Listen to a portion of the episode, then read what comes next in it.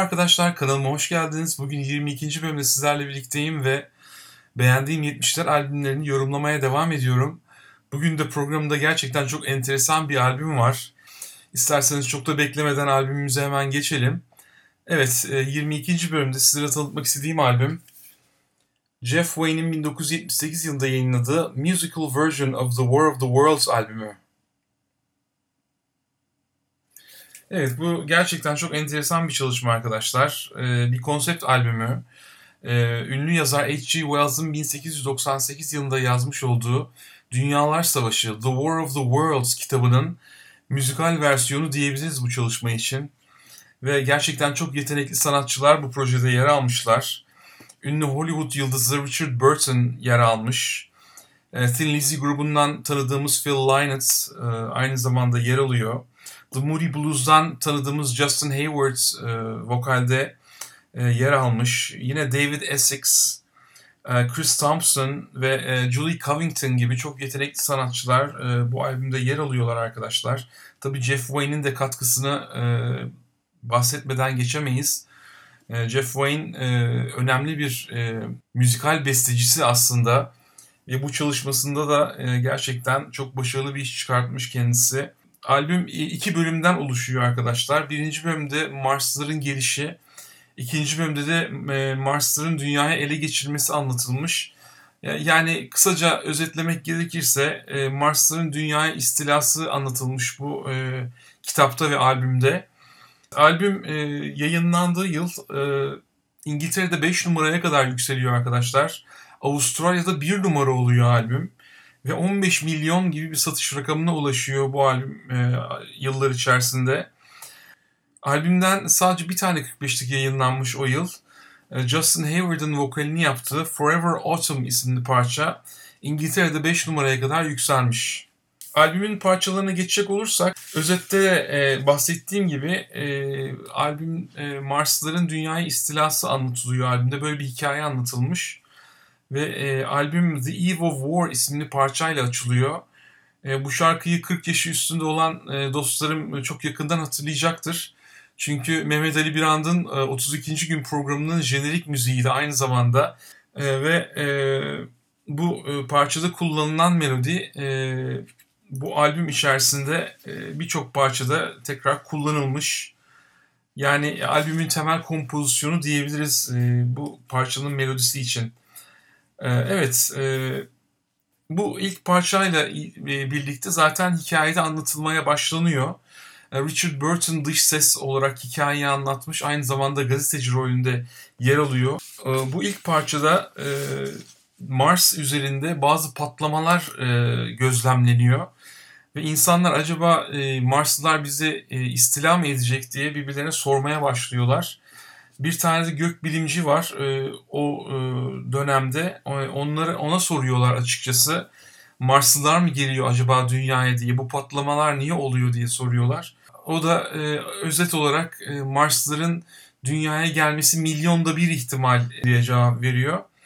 E, ama e, tabii e, daha sonra e, ikinci parçada Horsal Common and the Heat Ray isimli parçada da e, silindir şeklindeki e, cisimlerin e, Londra'nın e, biraz dışındaki Horsell Common isimli bölgeye düşmesini anlatmış. E, Bas'la böyle bir gerilim müziği yapılmak istenmiş. Aynı Jaws filminin müziğini hatırlayın. O, o tarzda bir e, hafif bir gerilim müziği var e, bu parçanın başında. Ve e, bu silindirler e, e, Londra'nın dışına düşen iki tane silindir, bir tanesi Horsal Common'a düşüyor ve e, silindirin kapağı açılıyor ve içinden Marslılar çıkıyor arkadaşlar. E, başarılı bir çalışma olduğunu söyleyebilirim. E, daha sonra hikaye e, üçüncü parçada Artillery Man and the Fighting Machine isimli parçayla devam ediyor. Tabi e, buraya geldiğimizde de hikaye artık e, çok enteresan bir e, hale e, geliyor. Çünkü uzaylılar e, tripod şeklinde üç, üç ayaklı savaş makineleri e, yapıyorlar. Isı ışını atıyor bu e, savaş makineleri. Ve e, Ula diye bir çığlık e, duyuluyor. Bu Marsların çığlığı aynı zamanda. E, bu Ula çığlığı e, albüm içerisinde farklı parçalarda da e, aynı zamanda duyuyoruz. Evet, bu dördüncü parçaya geldiğimizde de Forever Autumn, e, Justin Hayward'ın vokalini yaptığı, The Moody Blues grubundan tanıdığımız Justin Hayward'ın vokalini yaptığı parça e, gerçekten e, başarılı albümde öne çıkan parçalardan biri diyebiliriz arkadaşlar.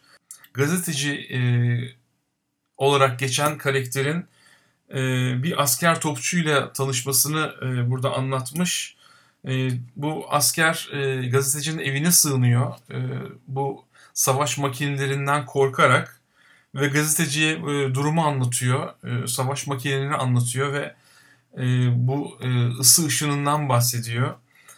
E, bunun üzerine gazeteci ve e, asker topçu Londra'ya gitme kararı alıyorlar. E, çünkü gazetecinin sevgilisi e, Londra'da ve e, onu bulmak istiyor. E, Carrie isimdeki sevgilisini bulmak istiyor e, Londra'da e, ve e, oradan da amaçları bir gemiye bilip İngiltere'den kaçmak.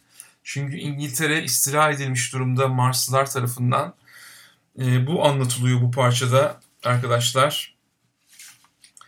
E, ve daha sonra beşinci parçaya geçiyoruz. Thunder Child isimli parça. Bu da Thunder Child e, İngiliz donanmasına ait bir gemi e, bu e, Marslıların e, savaş e, araçlarına denizden saldırı yapıyor. Albümün kapağında da gördüğümüz şu enstantane. Bakın bu Thunder Child. Bu da e, Marslıların e, üç ayaklı tripod e, savaş makineleri. Thunder Child e, onları durdurmaya çalışıyor ama e, birkaç tanesini etkisiz hale getirdikten sonra e, kapaktaki fotoğrafta olduğu gibi e, isabet alıyor ve e, ne yazık ki Thunder Child'ın da etkisiz hale gelmesiyle Marslılar dünyayı ele geçirmiş oluyorlar arkadaşlar. Bu arada gazeteci sevgilisini e, bulmaya gidiyor Londra'ya ve e, Londra'dan bir e, buharlı gemi hareket ediyor ve sevgilisi e, gazetecinin bu gemide yer alıyor. E, gazeteci de gemiye binmek için e, rıhtıma koşuyor ama e, kapılar kapanıyor. Yani yetişemiyor e, buharlı gemiye. Ve buharlı gemi hareket ediyor sevgilisiyle birlikte. Albümün arka kapağında buharlı gemiyi de görebiliyoruz arkadaşlar. Bu gazetecinin sevgisi Carrie'nin e, içinde olduğu buharlı gemi. Ve böylece e, gazeteci sevgisine e, kavuşamıyor. E, ve e, buharlı gemidekiler de kurtulmuş oluyorlar bir anlamda. Bu e, tabii e, aynı zamanda e, donanma gemisi e, Thunder Child'ın da katkısıyla oluyor. Evet, birinci bölüm e, bu şekilde tamamlanıyor arkadaşlar. E, ikinci bölümde de Mars'ların dünya ele geçirilmesi anlatılmış. E, Kırmızı Ot e, anlatılıyor ikinci bölümün başında.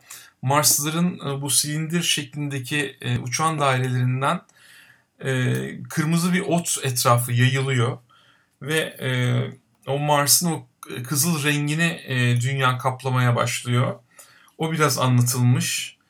E, daha sonra e, Phil Lynot'ın e, seslendirdiği Parson Nathaniel karakteri e, hikayeye giriyor arkadaşlar.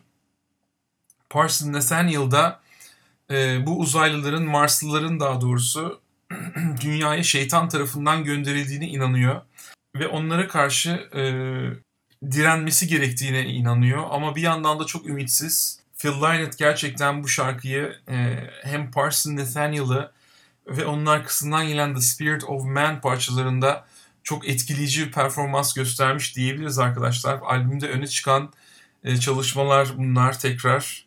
E, daha sonra e, Parson'ın eşi Beth e, Marslılar tarafından öldürülüyor. Ve e, gazeteci ve Parson e, da Marsların eline geçiyor aynı zamanda. E, yerin altında e, onun, Marsların tutsağı oluyorlar. Daha sonra Parson da Marsların e, elinde e, öldürülüyor. E, birkaç gün daha yerin altında e, bir sığınakta e, gazeteci saklanmaya devam ediyor. E, dördüncü yüze geçtiğimiz zaman e, Brave New World isimli e, çalışmayla e, açılıyor dördüncü yüz arkadaşlar. David Essex'in vokal yaptığı bir çalışma. E, burada da e, dünyalıların e, yerin altına yaşama alanları, şehirler kurduğu anlatılmış. Yeni bir dünya düzeni, dünyanın üstünde Marslılar olduğu için biz de yerin altında yaşayalım. Yerin altına şehirler kuralım. Oralarda hayatımız devam etsin gibi bir konsept burada anlatılmaya çalışılmış. E, daha sonra çok enteresan bir şekilde Dead London isimli parçada da gazeteci karakteri e, bir ara e, Londra'ya böyle bir e, çıkıyor. Bir e, boşluk e, olduğunu fark ediyor. Ve Londra'ya çıkıyor. Bir, bir bakıyor ki e, Marslıların birçoğu ölmüş. Ve uğula çığlığını duyuyor bir tane Marslı'dan. E, çok uzak bir yerlerden geliyor bu çığlık. E, ama onun dışında etrafına baktığı zaman e, Marslıların hepsinin öldüğünü fark ediyor. Dünyada olan bir organizma, e, bir bakteri daha doğrusu Marslıların ölümüne sebep oluyor. Ve Marslıların istilası da bu şekilde sona ermiş oluyor arkadaşlar. Ve son bölümde de epilog e, yer almış. NASA'nın Mars'a iki tane e, uzay gemisi gönderdiğini ve daha sonra bu uzay gemileriyle iletişimin kopmasını e, anlatarak bitiriyor e, bu e, müzikal çalışmayı. E, Perseverance aracı da biliyorsunuz Mars'a e, iniş yaptı geçtiğimiz günlerde. O onu da aklıma getirdi bir anlamda. E, albümün içinden de şöyle çok güzel bir kitapçık çıkıyor arkadaşlar. Hikayeyi e, çok güzel bir şekilde e, illüstratörler e, kullanarak anlatmışlar. E, dış sesin e, aynı zamanda e, söyledikleri Story of the Album, albümün hikayesi anlatılmış. Çok başarılı bir kitapçık. Yani müziği dinlerken e, kitapçıya da bakmak e, keyifli oluyor. Şöyle e, savaş makinelerinin Londra'yı e, istila etmesi resmedilmiş burada.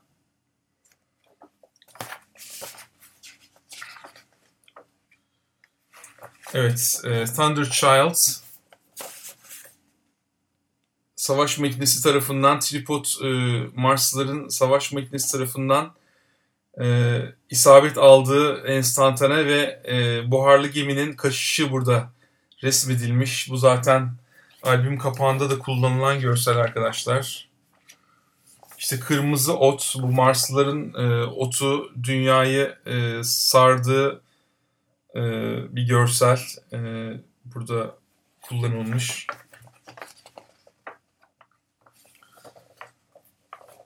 Parson Nathaniel'ın, e, Phil Lynot'ın seslendirdiği Parson Nathaniel'ın e, savaş makinelerine karşı e, direnmesini bir anlamda resmetmiş bu çalışmada. Brave New World parçasında e, anlatılan yeraltı şehri burada resmedilmiş.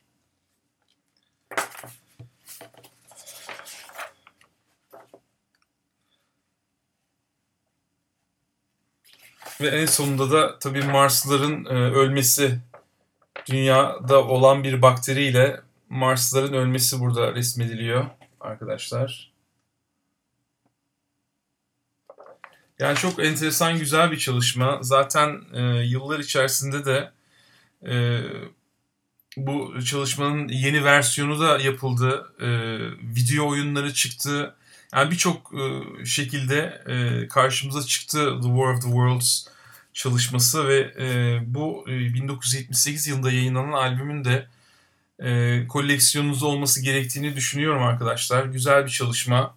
Hikayesini de anlatmaya çalıştım elimden geldiği kadar ama e, gerçekten e, keyifli bir çalışma olmuş. O yüzden bu albümü size tavsiye ediyorum arkadaşlar.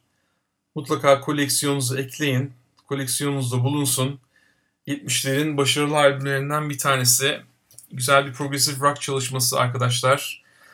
Ve e, bu şekilde de bu programın da sonuna geliyoruz. E, haftaya bir başka 70'ler albümüyle tekrar birlikte olana dek hoşçakalın.